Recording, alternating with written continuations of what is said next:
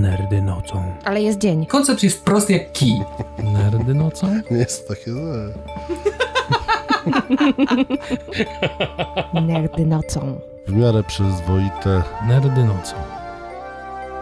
Chciałabym, żebyśmy w najbliższym czasie pogadali o historii, jakiej nie uczą w szkole.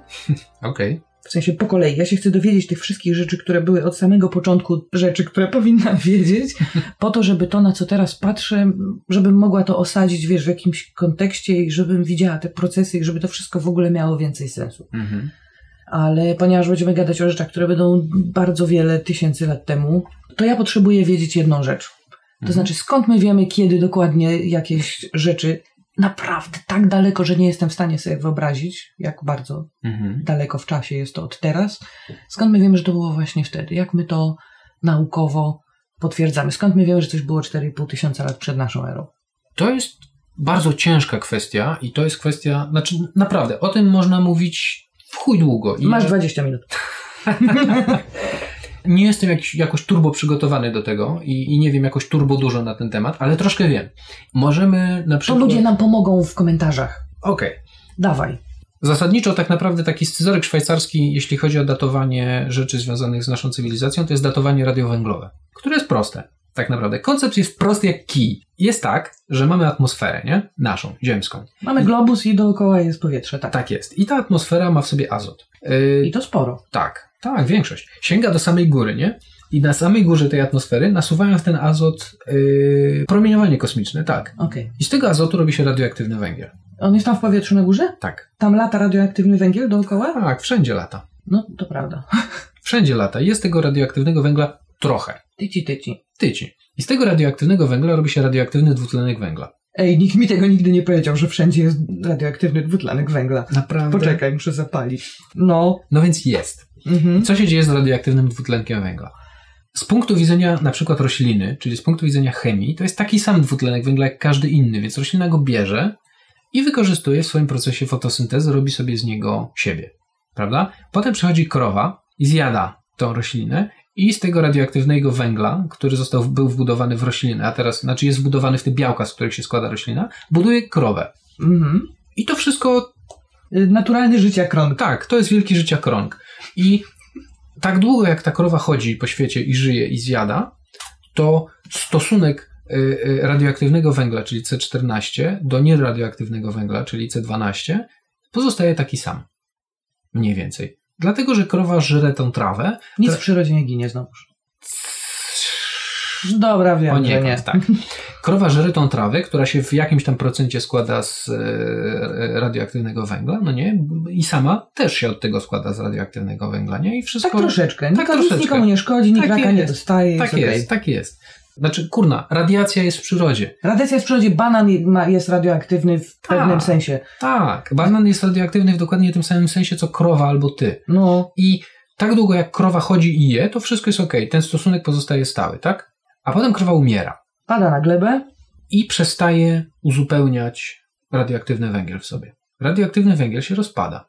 I teraz, jak wykopujemy taką krowę, po wielu, wielu, wielu, wielu, wielu, wielu, wielu latach, możemy wziąć i sprawdzić, jaki jest w niej stosunek radioaktywnego węgla do normalnego. Mhm. I na tej podstawie, znając czas połowicznego rozpadu radioaktywnego węgla, który wynosi 5700 chyba 50 lat, Robimy szybką matematykę na karteczce tak i jest, wiemy, że krowa padła w jakiejś odległości od nas w czasie. tak, Do tyłu. tak. I to jest datowanie radiowęglowe. Ej, proste. Proste. Tylko, tylko implementacja tego bardzo prostego pomysłu jest zajebiście skomplikowana. To znaczy? Dlatego, że trzeba było na przykład, żeby to, żeby to móc yy, wyliczyć, potrzebujesz wiedzieć, jaki jest stosunek radiowęgla do zwykłego węgla.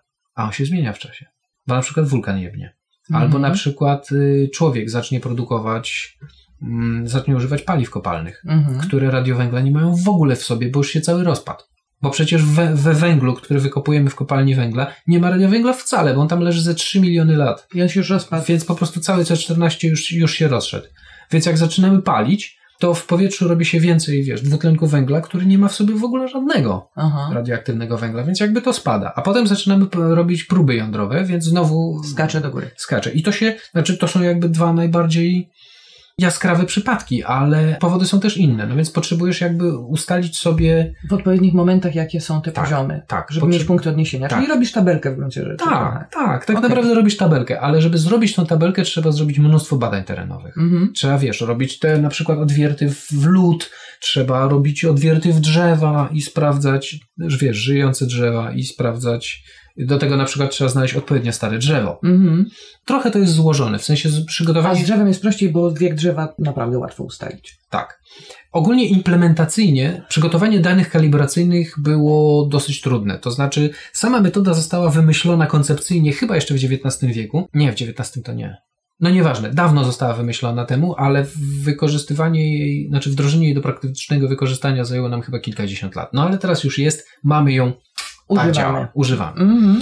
Ale ona będzie działać tylko wtedy, jeżeli mamy radioaktywność w tych rzeczach, które wykopaliśmy. Możemy w ten sposób badać organiczne pozostałości. No właśnie, organiczne, no bo węgiel, Tak, kurde. dokładnie. A nie, nieorganiczne nie możemy. A jakie nieorganiczne rzeczy możemy badać? No na przykład chcielibyśmy wiedzieć, y, z ile lat ma to kamienne ostrze, które żeśmy znaleźli. A, Trochę dupa, nie? No trochę dupa. To znaczy, że jest więcej niż jedna metoda. Oczywiście, że tak. Jest mnóstwo metod odznaczania w czasie, ale nie będę o wszystkich mówił, tylko powiem o kilku. Mhm. Kolejna metoda, która jest ogromnie ważna, ogromnie, ogromnie ważna, to jest kontekst. Po prostu. Jeżeli mamy dobra grobowe, nie? Tak, jeżeli wykopujemy grób z jakimś człowiekiem, Tak. powiedzmy.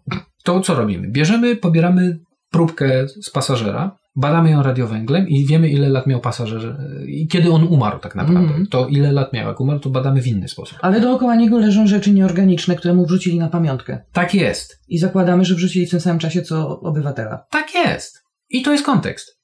I dlatego, jak pracujesz na jakimś archeologicznym sajcie, to pracujesz delikatnie i pędzelkiem. Żeby, A nie koparką. Żeby koparką nie rozpierdolić całego kontekstu, który się tam delikatnie odkładał warstwa po warstwie przez jakieś tam setki albo i tysiące lat. Mhm. I to jest, wiesz, proste i genialne. Bierzesz jedną rzecz, którą możesz zdatować, no nie? Jakoś metodą, którą masz i z tego, co zdatujesz, ekstrapolujesz Do okulne sprawy. do okulne sprawy. Tak jest. Mhm.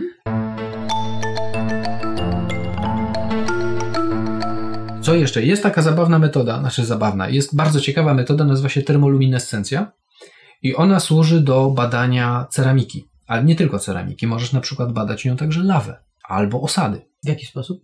Robisz tak. Naturalne kryształy mają w sobie niedoskonałości. No takie, Tak jest. tak po prostu jest, nie? I te niedoskonałości tworzą pułapki na elektrony. Haha. I jak elektron ci wpadnie w taką pułapkę, to on już w niej zostanie. I teraz jest tak, że niektóre z tych pułapek, na przykład takie, które są bardzo w, bardzo w środku tego, tego materiału, będą trzymać te elektrony bardzo, bardzo, bardzo, bardzo długo, bo nie ma absolutnie żadnej motywacji, żeby, wiesz, wypuściły to jakoś, nic się nie dzieje. I teraz tak, jeżeli taki kryształ został kiedykolwiek podgrzany do jakiejś określonej temperatury, to jest chyba około 500 y, stopni, to jest taki zerujący event dla tego kryształu. To znaczy, on powodu, podgrzanie powoduje, że te pułapki wypuszczają elektrony. Mhm. Wszystkie. I teraz tak, zakładając, że to jest ceramika albo kawałek lawy, masz taki event zerujący, no nie? I potem na przykład ten garnek albo ten kawałek lawy leży, robi sobie rzeczy, dzieją się w nim rzeczy, robi sobie, a potem ty go znajdujesz. Mhm. I teraz robisz tak, odłupujesz kawałeczek podgrzewasz go znowu. I to jest dla niego następny efekt zerujący i to powoduje uwolnienie tych wszystkich elektronów. One wracają na swoje miejsca, znaczy wracają na miejsca w strukturze krystalicznej tego kryształu, wytracają energię, której nabrały i to powoduje świecenie, które możemy wykryć. I zmierzyć I jego zmierzyć. moc. Tak. Mamy teraz połowę wiedzy, którą, której potrzebujemy. Druga połowa wiedzy, druga połowa, której potrzebujemy, to jest prędkość, z jaką się te elektrony osadzały w pułapkach. No bo skąd one się tam biorą? One zostają, wiesz, wybite przez nadmiar energii. Nadmiar energii, który przychodzi do nich w postaci promieniowania. Jako, że one są gdzieś głęboko zakitrane w e, tym krysztale, w tym kawałku lawy czy w tej ceramice, to to powinno być promieniowanie przenikliwe. Czyli co robisz? Bierzesz i badasz taką latentną radioaktywność tej próbki. Ile w niej jest na przykład potasu 40, albo ile jest w niej uranu. Na jakie promieniowanie ta próbka sama z siebie jest wystawiona.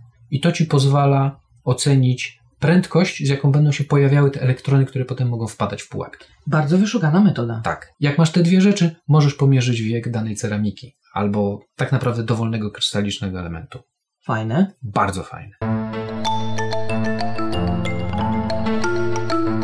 Jeszcze jest taka jedna fajna metoda, która jest fajna, a nie do końca jest archeologiczna, bo działa na innym przedziale czasowym, ale jest ciekawa, więc pomyślałem, że też Ci o niej powiem. No.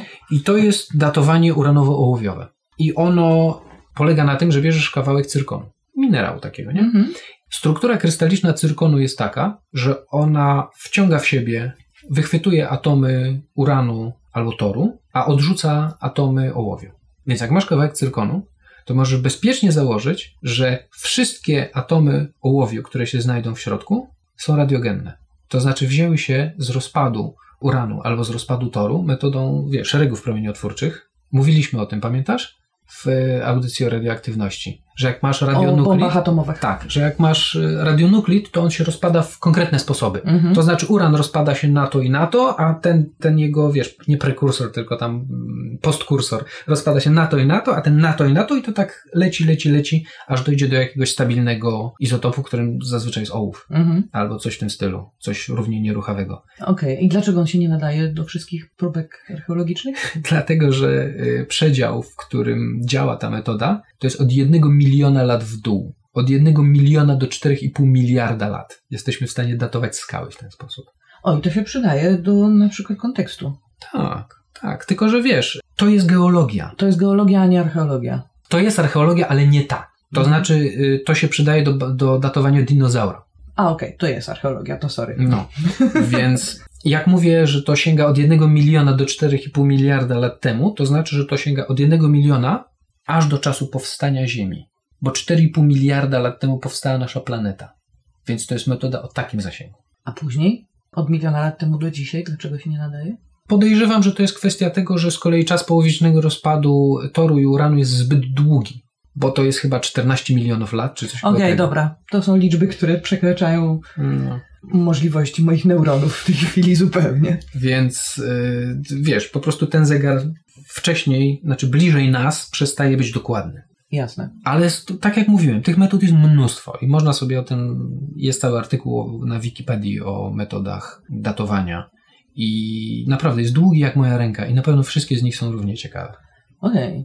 Dobra, to troszeczkę bardziej mnie upewnia w tym, że jak będziesz mi opowiadał o jakichś wynalazkach, czy o jakichś wydarzeniach kiedyś tam, że one, znaczy, że mamy wystarczająco mocną pewność, że one były właśnie Mhm. wtedy, żeby to wszystko miało, miało więcej sensu.